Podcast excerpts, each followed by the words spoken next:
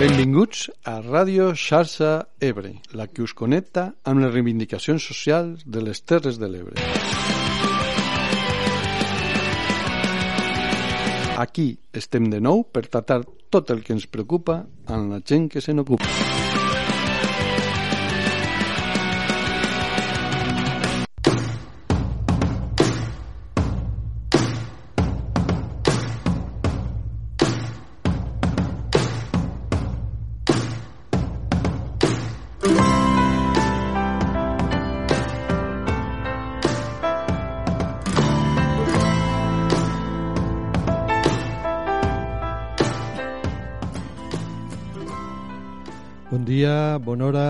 Bona gent. En un temps on a l'egoisme se li diu llibertat, aquesta mena de tambors que acabem de sentir són una mena d'alarma sobre el perill que correm tots plegats.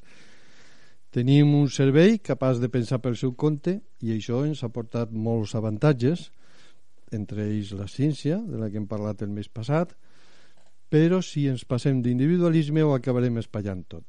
Serem capaços de corregir el rumb a temps? I want to see your sadness. I want to share your sin. I want to bleed your... Diumenge passat, quan introduïem el tema del mes del que debatem avui, el canvi climàtic, Yayo Herrero ens feia una proposta ètica per mirar d'aturar-ho, reduir el nostre consum fins al que veritablement és suficient, redistribuir entre els éssers humans, perquè no pot haver això de que tant es parla sostenibilitat si s'exclou a una gran part de la humanitat, i tornar la mirada cap al que és verdaderament important, tindre cura del que ens envolten i de tot allò que ens envolta. What's heavy. What's heavy behind. Potser no calen massa xifres, però n'hi ha una que ens va dir Antonio Turiel que ens sembla molt important per aquesta suficiència de la que parla Yayo. El 90% de l'energia que es consumeix és malbarata i el 10% restant és precisament el que pot arribar a produir-se en energies renovables. Serem capaços de quedar-nos en aquest 10%? Deia també Turiel que gran part de l'energia que es produeix actualment a partir del petroli és pel transport. Serem capaços de tornar la mirada i el circuit econòmic cap als productes de proximitat?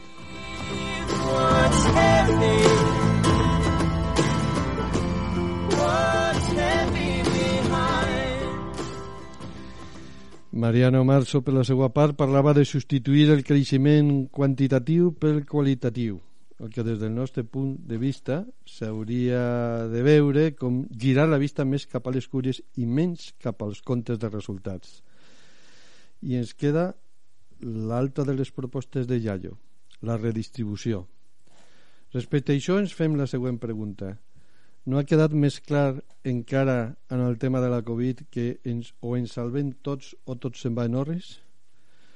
Turiel deia que el decreixement es farà sí o sí, perquè el planeta no pot aguantar aquest ritme. Que les alternatives són o fer-ho d'una manera planificada i solidària o bé caòtica i amb molt més de patiment. Bo, de tot això, que com veieu no és qualsevol cosa, parlarem en els convidats d'avui. Però abans volem introduir una nova veu, la de Mònica Usart, física i meteoròloga, que a les xerrades TED de Tarragona fa sis mesos ens va apropar tota aquesta problemàtica de la següent manera.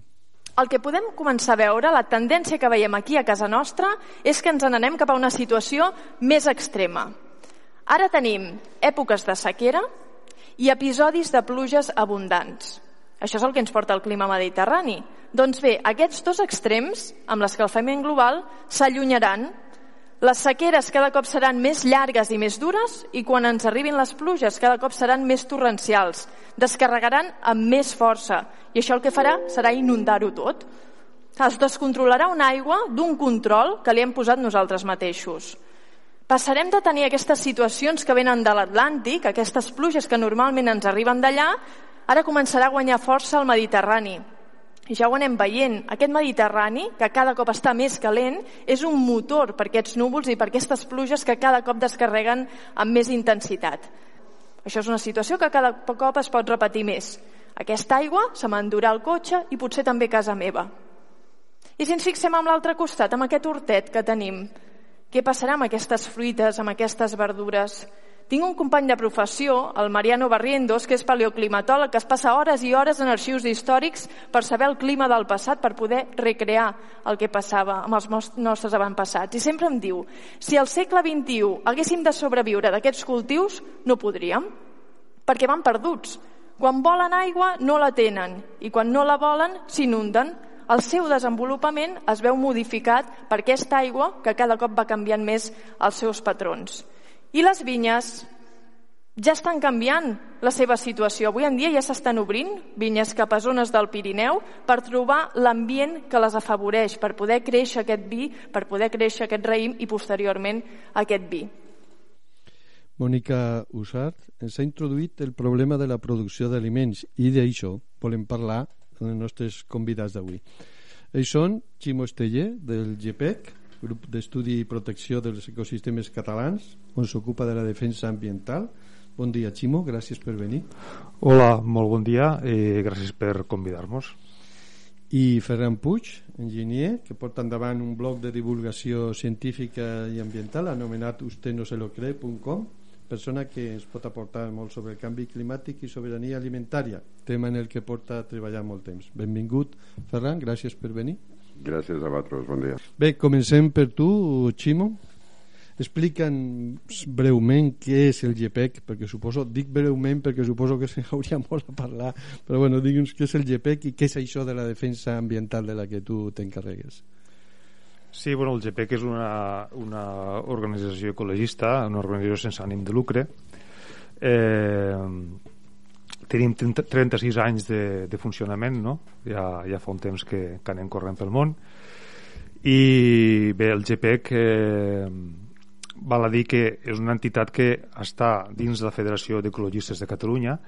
És a dir, el GPEC eh, on encarreguem podríem dir una mica de problemes o de qüestions mediambientals a les Terres de l'Ebre i al Camp de Tarragona, és a dir, d'alguna forma el que seria la província de Tarragona i zones limítrofes de Lleida, Barcelona eh, però estem, diguéssim, formant part de la Federació d'Ecologistes de Catalunya que és una federació on hi ha altres entitats com per exemple IFCENA que és de la, de la zona de Lleida Estallaet en Saber de l'Empordà de la zona de l'Empordà, Girona ANG, Associació de Naturalistes de Girona eh, CEPA de l'àrea metropolitana de, de, de Barcelona i bé, i d'alguna forma eh, dins de DC eh, ve a ser com un paraigua que ens integra eh, i que ens dona funcionament a nivell de tota Catalunya eh, bé, dins de lo que és el GPEC no? i la nostra zona d'actuació treballem diversos temes Eh, jo, per exemple, bueno, soc membre de Junta i també estic ficat a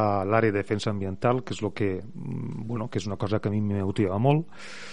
Però al GPEC no només fem àrea eh, defensa ambiental, encara que la defensa ambiental eh, entenem que ha de ser pal de paller perquè uh, l'ecologisme ha, de, ha, de, ha de promoure la defensa del medi ambient també fem eh, projectes, eh, projectes en, eh, en organitzacions, eh, bueno, en organitzacions o en administracions, projectes de custòdia de territori, per exemple, Eh, també fem educació ambiental, tenim a Roquetes l'escola de naturalistes i altres llocs de, de, bueno, de, de, de les, del, del Camp de Tarragona, tenim escoles, escoles.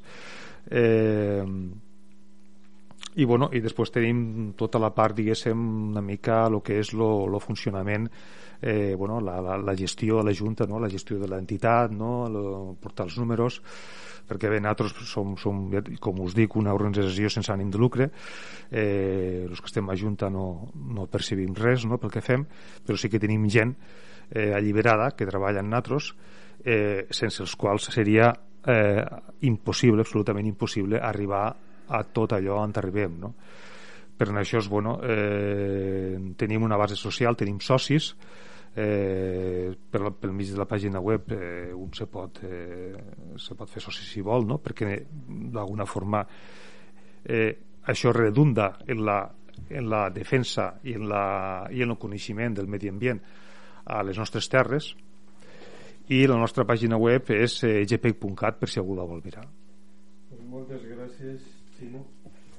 Tu, Ferran, has de passar al debat, eh, es podries fer cinc cèntims sobre el que has estat estudiant els darrers anys i per què et preocupa tant la sobirania alimentària? Sí, bueno, jo vaig començar a, a començaments de la dècada dels 2000 que vaig descobrir el canvi climàtic i tot d'una em vaig adonar de la gravetat que això podia tenir, de lo que, de lo que significa la desestabilització d'un sistema natural tan important com és, diguéssim, la pròpia casa, no? la temperatura que fa casa o el clima que tenim a casa i, i bueno, i de fet doncs, vaig venir aquí a Ulldecona, jo venia per aquí de menut eh, tres mesos a l'any eh, hasta que vaig anar a la universitat i això però després vaig tornar, de fet eh, l'any, recordo que l'any 2008 me vaig tancar aquí dos anys, la gent ni sabia que jo corria per aquí a estudiar bàsicament el canvi climàtic no?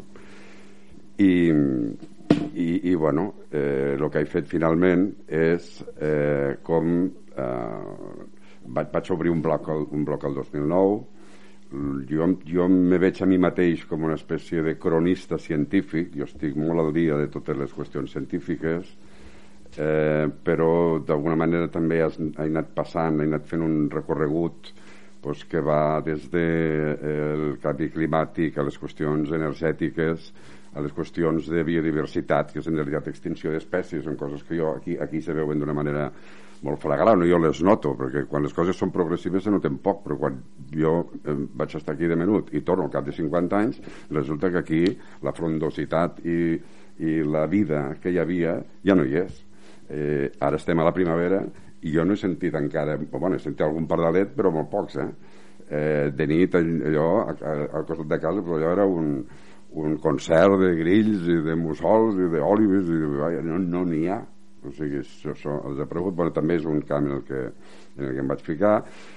Llavors també vaig veure el negacionisme i les arrels del negacionisme les arrels econòmiques i religioses i, i al final he anat a petar la filosofia perquè la veritat és que per bé que em mantinc eh, al dia de d'aquestes coses del, de totes les qüestions del canvi climàtic d'alguna manera va haver un dia que em vaig cansar de, de ser profeta del desastre i ara intento ser més propositiu i més aportant més solucions bueno, solucions jo crec que no és la paraula diguem, mirant de quina manera se pot respondre d'una manera d'una manera racional i humana pues, a el que tenim a damunt no? llavors pues, ja porto bastants anys més de 10 anys en el blog i, i allà em poden trobar els que, que vulguin veure.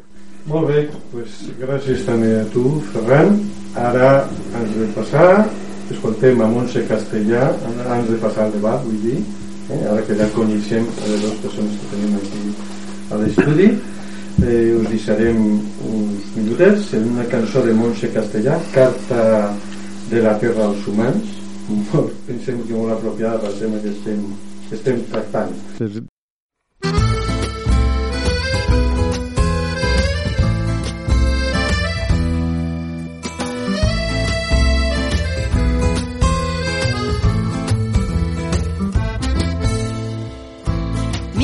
fa que sóc aquí, recordo quan vau arribar.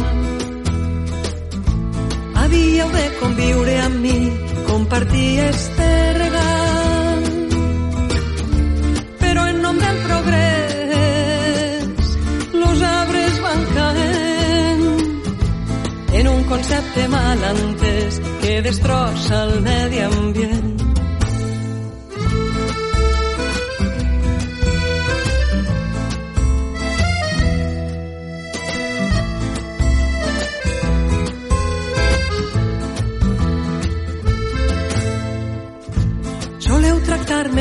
Si fos infinita immortal.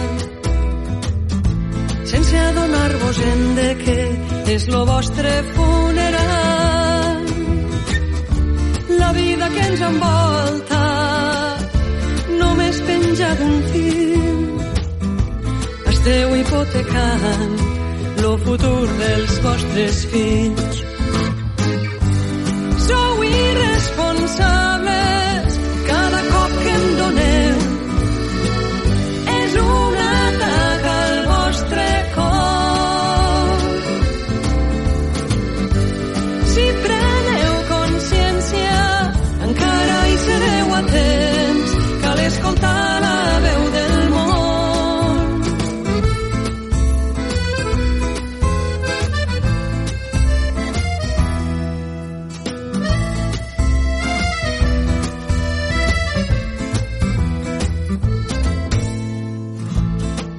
mirada plena de patiment i aire brut. I l'aigua que fluix dins meu ja no pot ni respirar. Un canvi d'actitud encara us pot salvar. És en defensa pròpia per l'avui i pel demà. Sou irresponsables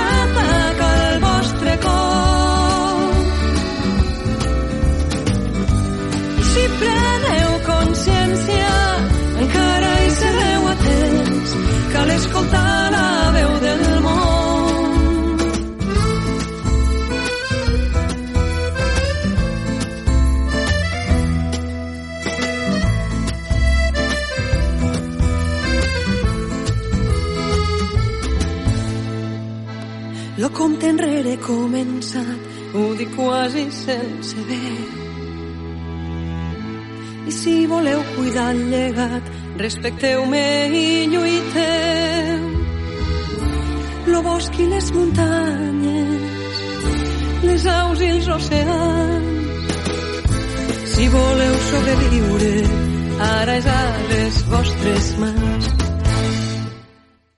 I voldríem posar sobre la taula eh, una qüestió que ens sembla obligada. El dijous passat, al Congrés dels Diputats, se va aprovar la llei del canvi climàtic. Aleshores, us preguntem, vosaltres que esteu molt ficats en el tema, eh, quines llums i quines ombres veieu en aquesta llei? Ximo? Sí, hola. Eh, bé, eh, la llei esta que es va aprovar el dijous, eh, bueno, jo no l'he llegit eh, íntegrament, però sí que n'he llegit bastant, no? I, en principi, a veure, tampoc m'agrada la crítica fàcil de dir eh, la llei és un desastre, no servirà per res. No, tampoc. Anem a veure què té de, què té de bo i què té de dolent, no? I jo crec, sincerament, que la llei hi ha coses bones, no? Per exemple, eh, bueno, la llei eh, surt, surt una mica mm, o engrana, diguéssim, en els acords de París que, en què s'intenta mantindre eh, l'increment de temperatura mitja global planetària eh, baix de 2 graus, si pot ser baix de grau i mig. Eh, i en, en esta premissa d'alguna forma desenvolupa algunes coses eh, com és disminuir eh, un 23% les emissions de diòxid de carboni. Això està bé va llegir una, també una, un, un avantprojecte previ a la llei no? i bueno, este 23 era un 20% no? o sigui, bueno, de 20 va, ha passat a 23% no? Està bé, no? Hi ha algunes coses, no? Eh, com per exemple els ajuts a la investigació, a la recerca, bueno, hi ha molts articles que parlen de, mm, per exemple, eh, l'article 12 ens parla de, de la utilització de gasos renovables com biogàs, biometà, hidrogen, L'article 14 parla de que l'any 2050 tots els vehicles comercials lleugers eh, han de ser sense emissions directes de CO2, que després aquí faré una, una, una aportació de Turiel, no? eh, després també tenim eh, que la llei està eh, té com a eines el que és lo, lo PNIEC, que és el Plan Nacional Integrado de Energia i Clima, del qual també se'n parla molt, eh, també del PNACC, que és el Plan Nacional de Adaptación al Cambio Climático, eh, també l'estratègia de, de descarbonització, inclou també algunes coses interessants que des, des d'entitats com la nostra estem reclamant com per exemple a, a lo que seria les, les eh, eh, les, les disposicions finals a, a, les, a la disposició final dècim eh, bueno eh, eh, de, de, de, eh, dècimo, dècim tercera parla d'autoconsum en comunitats de propietaris eh, i després parla també de la participació dels consumidors en mercats energètics no? en generació distribuïda, en aprofitament de les xarxes elèctriques no? i això és positiu no? és positiu però eh, crec que és insuficient és insuficient perquè este 23% segons la Unió Europea hauria de ser un 55% no? de disminució de, de gasos d'efecte hivernacle això és el que diu la Unió Europea i és insuficient perquè mm, perquè és una llei que es basa molt en, eh, en, bueno, en, eh, en traslladar el model actual energètic basat en combustibles fòssils a eh, energies renovables no? tot i que també integra eh, integra també eh, qüestions d'eficiència eh, energètica així per exemple la llei parla de eh, bueno, mm, en qüestions d'eficiència energètica parla de eh, millorar l'eficiència energètica eh, d'almenys un 39,5% que l'anterior borrador era un 35% Uh -huh. està molt bé l'eficiència energètica. l'eficiència energètica és una cosa bàsica abans de fer abans de fer, de fer res més no? Si resumís una mica el que has dit, bàsicament és una llei que és positiva però insuficient exacte bàsicament. i tu Ferran, com ho veus? Jo veig que és una llei que a part de ser insuficient està pensada per un món que ja no existeix és una llei que eh, és insuficient, se queda curta perquè si la Unió Europea ens demana 55% i ho demana això en base a uns acords de París i estan basats en unes eh, eh, aportacions científiques que són les de, de com se creia que era el canvi climàtic a la dècada del 2000 quan avui sabíem que és molt pitjor que això. És a dir, que ja no està basat en la realitat física eh, pues, eh, pues llavors quedar-se en el 35 no el 23% pues bueno mm, en realitat el que es vol fer aquí és aprofitar la, això és una llei pel creixement econòmic. Ja no hi ha mercats d'estàndard de la indústria. Avui dia eh, precisament per la crisi energètica eh, fòssil eh, ja les possibilitats de creixement són molt, són molt complicades llavors se, se tenen per, per la part financera però el que són els mercats estàndards industrials ja no hi ha més possibilitats d'inversió més possibilitats de, de treure benefici Llavors eh, diuen, bueno, pues fem de la necessitat virtut i agafem la, la llei de canvi climàtic i eh, començarem a injectar diners per a fabricar eh, energies renovables. Bàsicament és això. Però això és un oxímoron, és a dir, la, eh, intentar un creixement energètic, eh, un creixement econòmic en una disminució energètica, eh, això és impossible. Això és una impossibilitat física, això és una cosa que qualsevol persona... Els economistes neoclàssics això no ho tenen en compte, perquè per ells l'energia és com un producte que està al mercat, ja està, no és el que possibilita, no és el que permetix que les coses passen, no? Eh, però hi ha en fi, unes escoles, moltes escoles econòmiques que això ja ho tenen claríssim que, i a més a més se parlava de la, de la eh, desmaterialització del desacoplo de, eh, en fi, tota una sèrie de, de conceptes diguéssim portats a damunt la taula ad hoc, diguéssim, eh, que al final resulta que poden passar en un país i millor poden passar en un altre, però a nivell mundial és impossible. I estem davant d'un problema mundial, mm. tant energètic com climàtic. Per tant, aquí, si aquí volem reduir les emissions al, al, al 23%, però no volem eh, disminuir el, el, el creixement econòmic o fins i tot si volguéssim mantenir, doncs algú altre hauria de fer 23 més. Això és el que ha passat a la Unió Europea en, en, en la dècada passada. La dècada passada, efectivament, les emissions de la Unió Europea han disminuït. Claro, a base d'externalitzar tota la indústria pesada. Llavors, la siderúrgia, i la química i tot això, doncs, part de les indústries pesades, doncs han anat a parar a la Xina o als països, als països que en diuen tercers o no desenvolupats. I llavors allí creixen les emissions que aquí, mm, diguéssim, ens posem molt contents pensant que, que estan disminuint, no? Uh -huh. eh, I el que passa és que, diguéssim que el que eh, estem en un problema que el volem solucionar en els mateixos claus mentals que l'han generat. I això és impossible, perquè el que és eh, físicament necessari és políticament impossible políticament en, el, en la eh, diguéssim en, en els termes actuals no? uh -huh. i per tant pues, això és una, una, una espècie de patada endavant per veure, uh -huh. per veure estar quan aguantem no? al, al fil del que vas dient mm, el- l'antropòleg eh, Emilio Santiago Muiño Mm. diu a l'epíleg del llibre este de Para evitar la barbàrie eh? Diu que el desarrollo sostenible es literal eh? ha fracasado el màrqueting verde ha fracassat pot ser que és que aquesta llei climàtica encara estan estos conceptes eh, de desenvolupament sostenible i de màrqueting verde però que no és com també se diu al llibre en la situació en la que actualment estem que ja no és per evitar el col·lapse sinó per evitar la barbàrie subsiguent perquè per evitar el col·lapse s'havia d'haver actuat abans com ho veieu vosaltres això?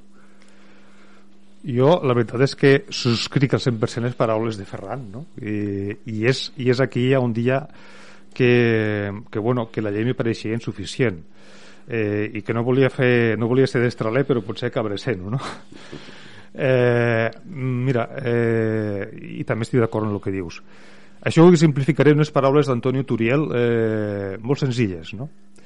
eh, i que resumeixen una mica tot això Antonio Turiel diu als científics se mos demana eh, unes fonts d'energia inexistents per a un sistema que no té sentit Des d'allà. és, i, i, i bé, i és que mm, és un, un resum contundent contundent i és que clar, és que la llei el que fa és simplement agafar eh, el model actual extractivisme de petroli i traslladar-lo al model actual eh, de generació de renovables en tot eh, sí que està el tema de l'eficiència energètica que això està bé en tot i passar a un model extractivisme de metalls no? perquè tot el que són energies renovables se basa en, en extracció de metalls molts dels quals ja estan donant símptomes de, eh, bueno, d'empobriment, de decreixement estem parlant de metalls com el cobre eh, però també estem parlant de metalls eh, de metalls de terres rares com el neodimi i disprosi que són necessaris en la, en la, en la fabricació d'aerogeneradors.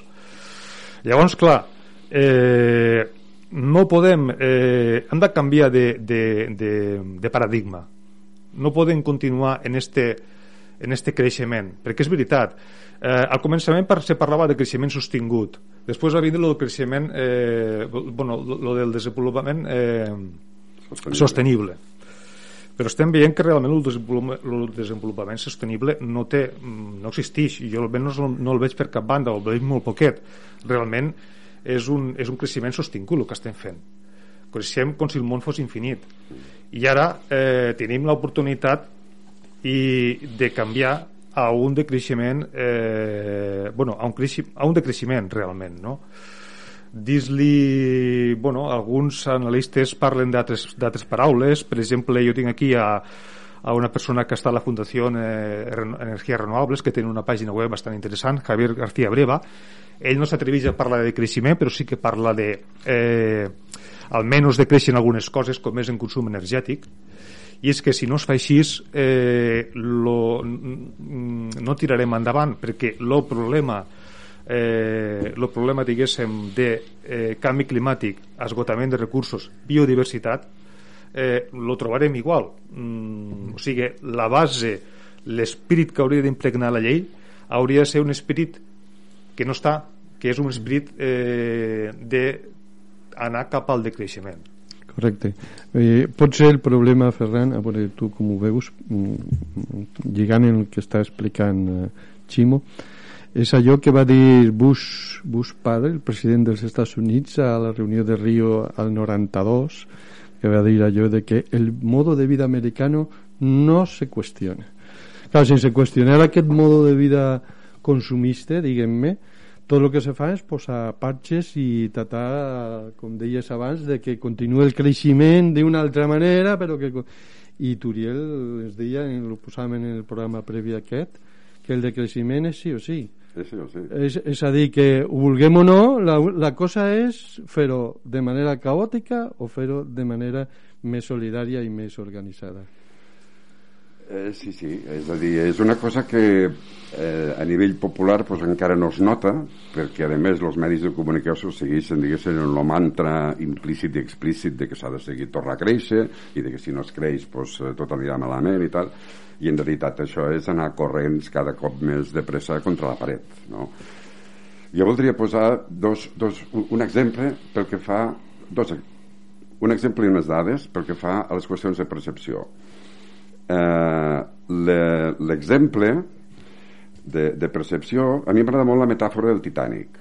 Llavors, això és com si la nostra societat fos una mena de Titanic doncs que ha anat xocant contra un, un iceberg. Si ja s'hi ha xocat i en quin punt estem del xoc, o si encara no hem xocat, això diguéssim que podríem discutir. Eh? Jo, jo tinc la meva idea, però no té per què ser la, la, fi, la, la real, no? És, és una cosa, diguéssim, opinable. El que sí que m'agradaria que la gent tingués clar és que eh, poc antes de que la tripulació i els passatgers veiessin l'iceberg del Titanic, el Titanic ja estava tècnicament enfonsat.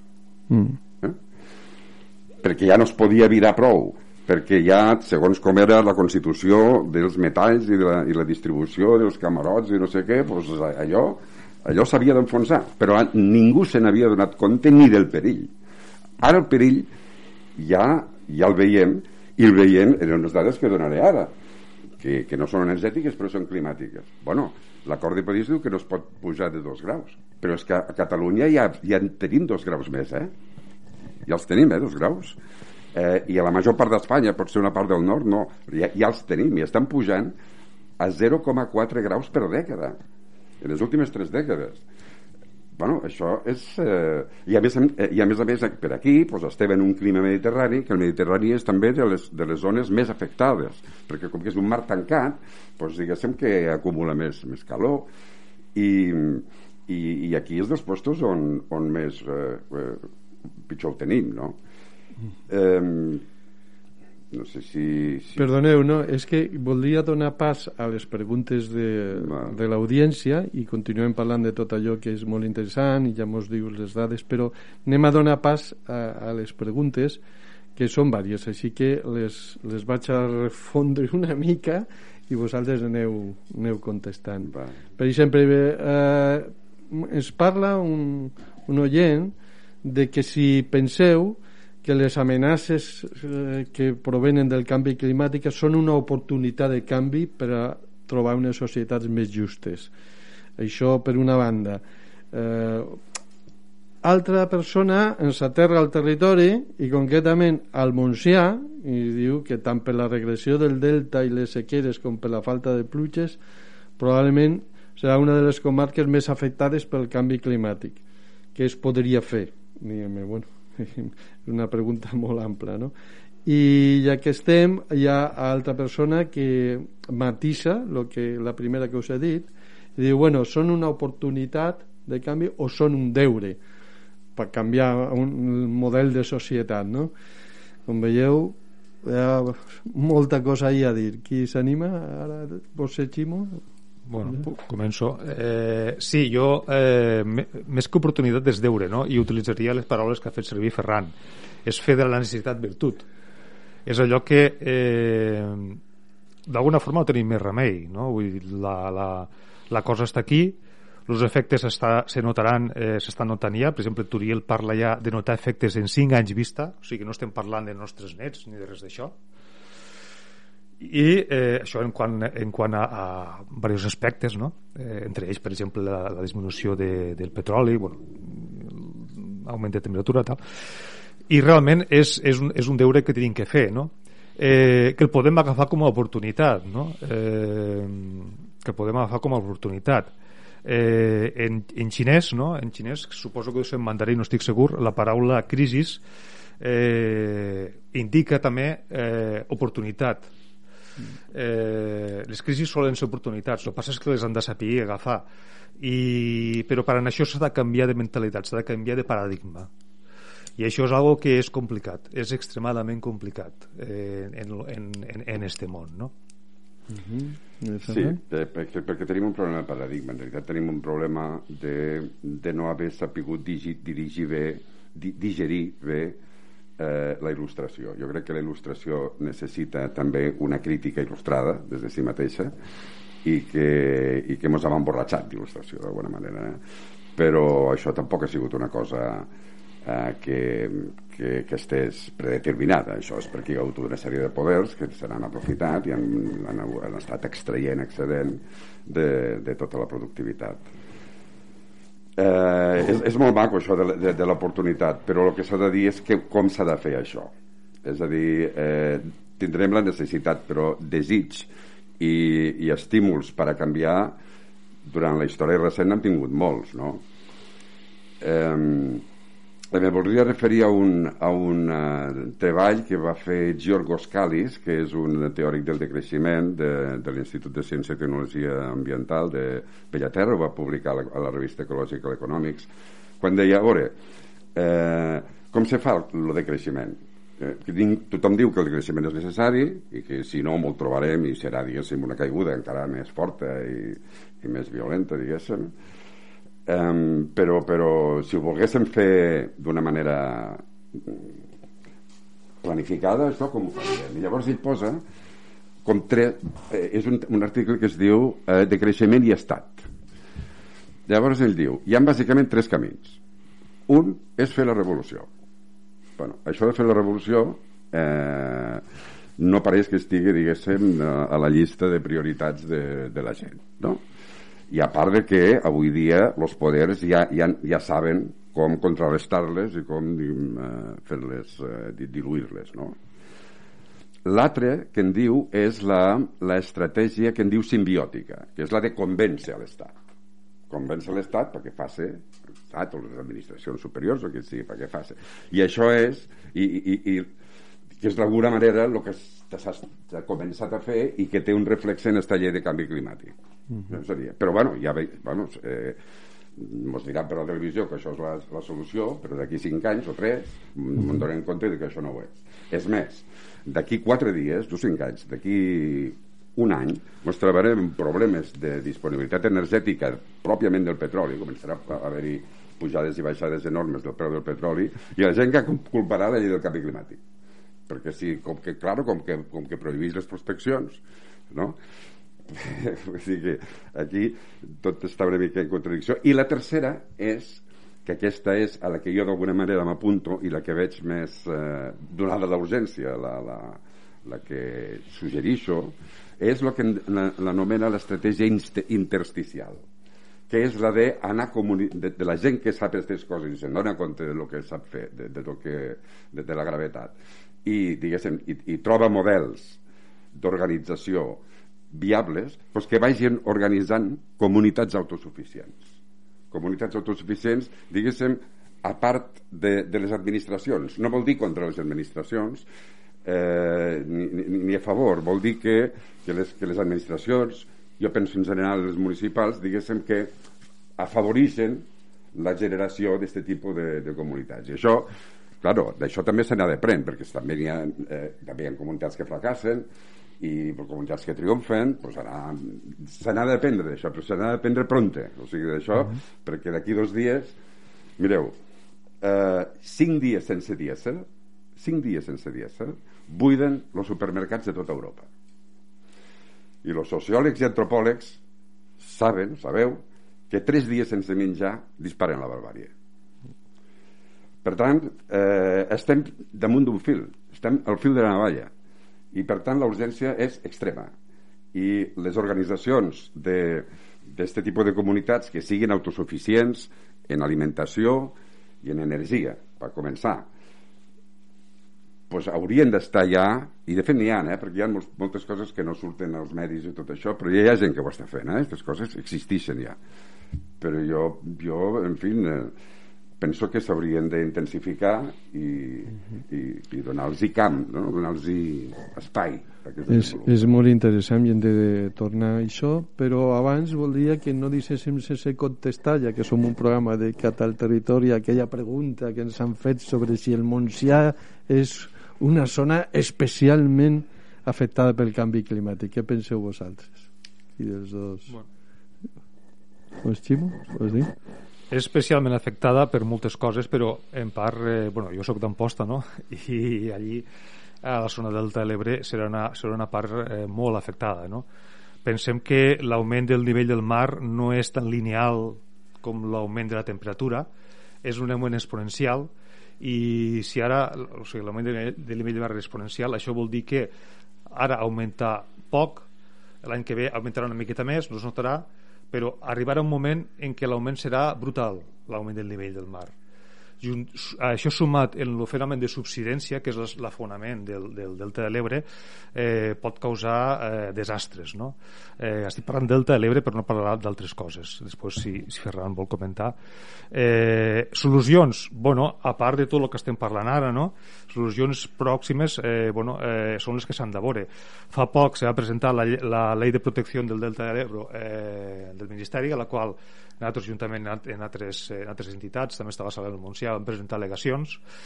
Ara tenen que sortir els plans hidrològics de Conca i això ha de determinar molt bé, no? perquè el Delta de l'Ebre necessita eh, uns sediments per a poder fer front a aquest augment del nivell del normal i al fenomen de, la, de la subsidència.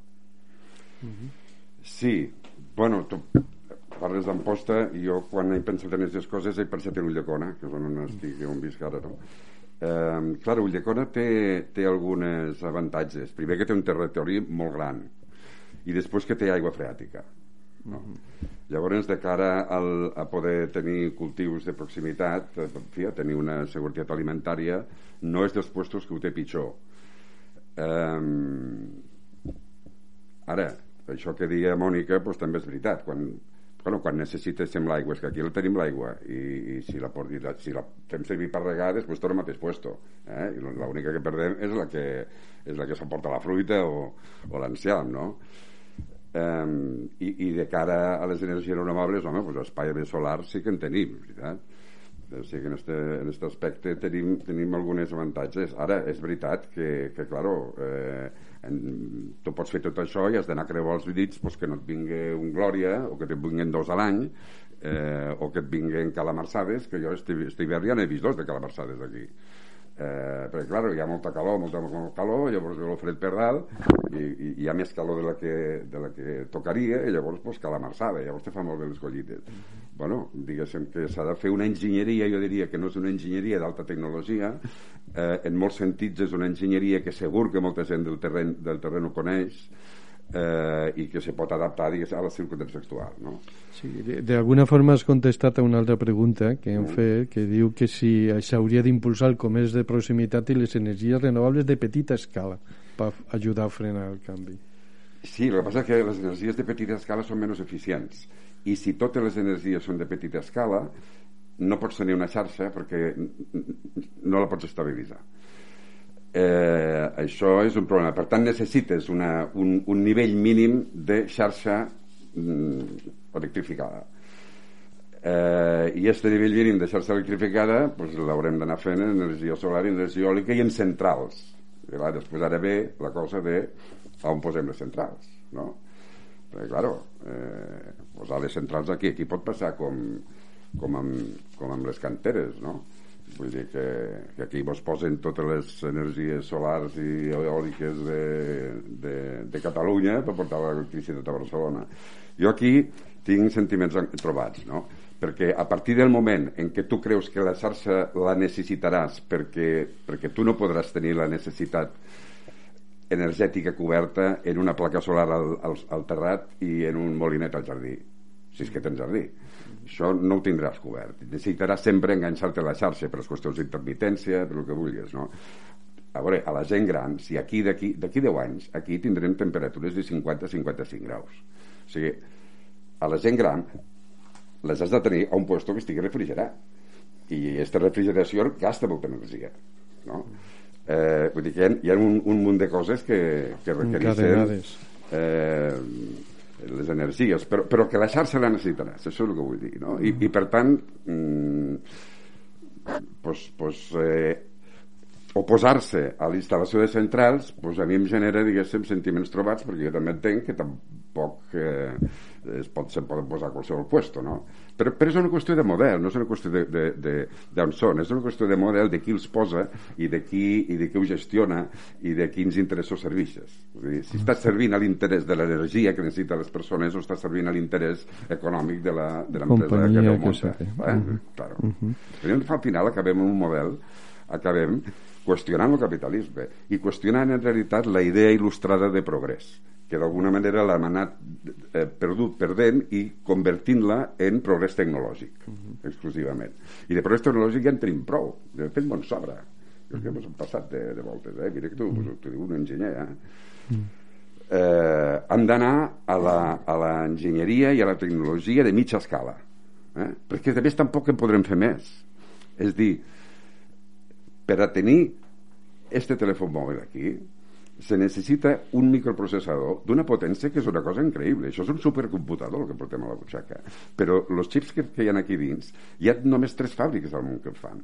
I necessiten, diguéssim, tota una piràmide de, de materials i d'enginyeria i de, i de, eh, de recursos i de logística, que és una cosa brutal que quan es comença la, la, la, la el, disminució energètica, tot això no podrà anar a la velocitat que, que, que requereix, que ara tenim, veritat? I per tant no els tindrem, aquests xips. Uh -huh.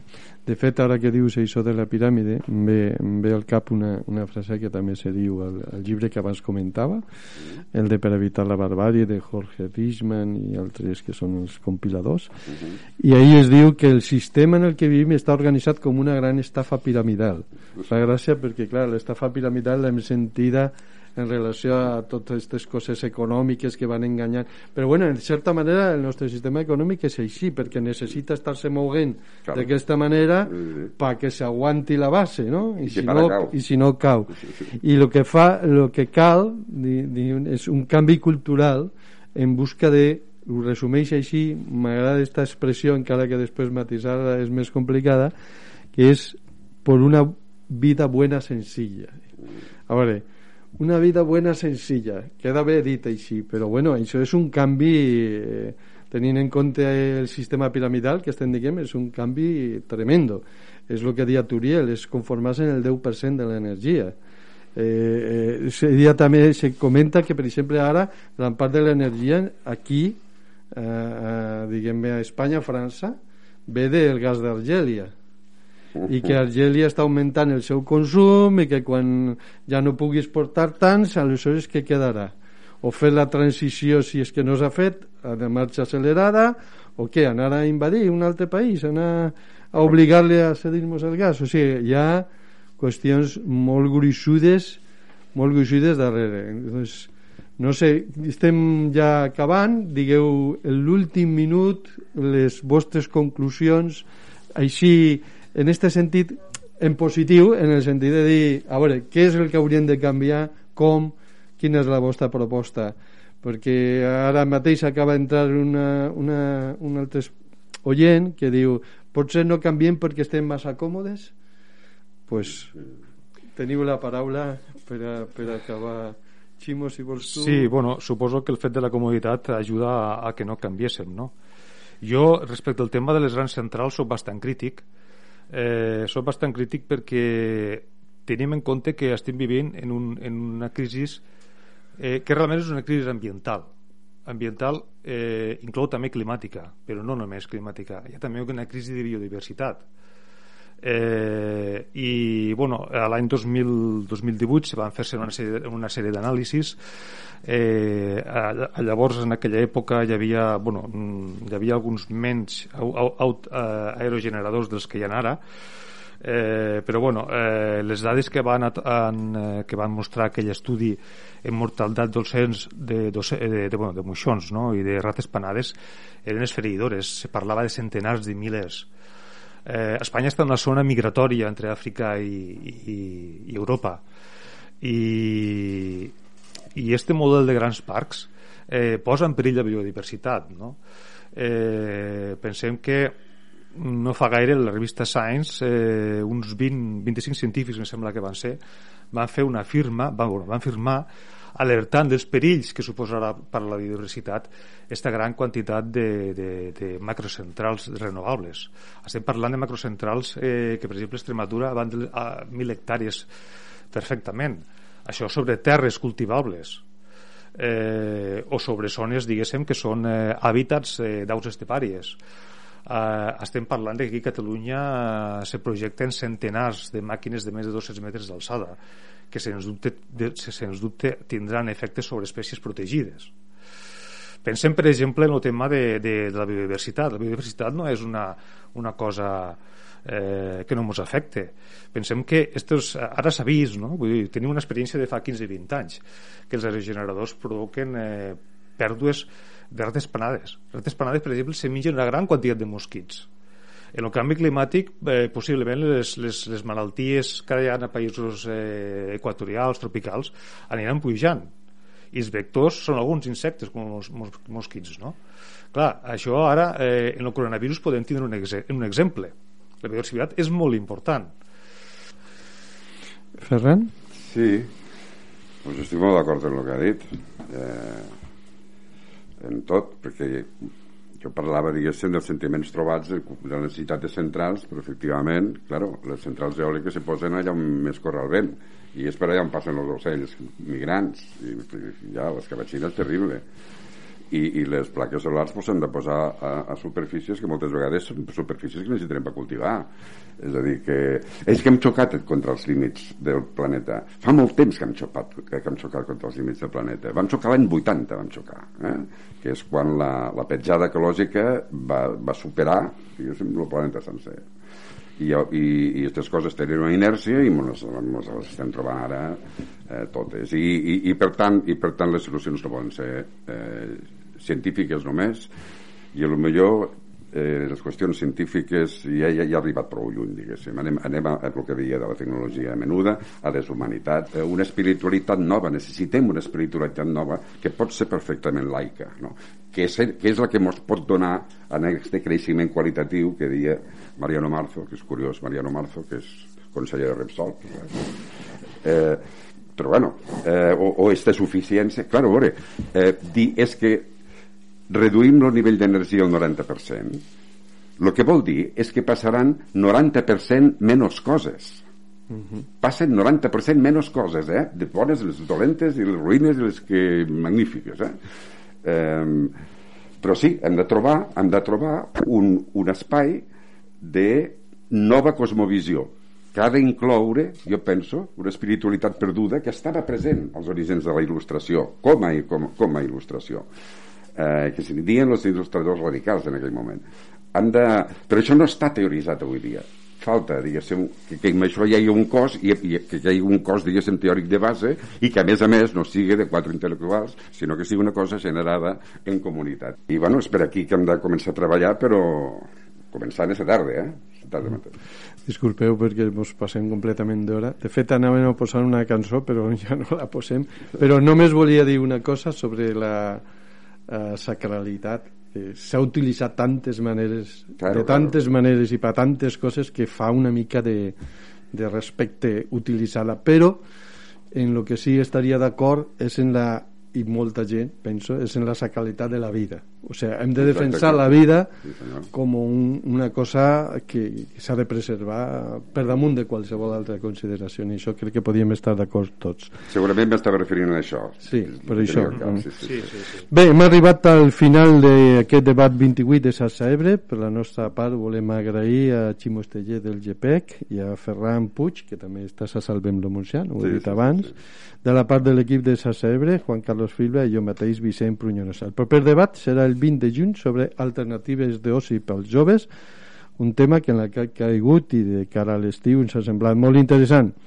Content que per a vosaltres també ho serà.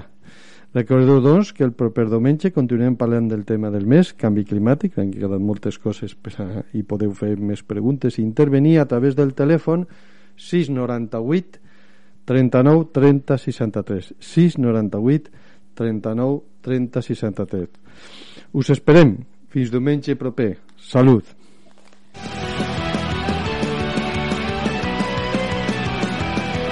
T'esperem a la propera emissió de Xarxa Ebre. Ens trobaràs al WordPress, al Gmail, Facebook, Twitter i a l'iVox. Sempre amb aquesta etiqueta, Xarxa Ebre.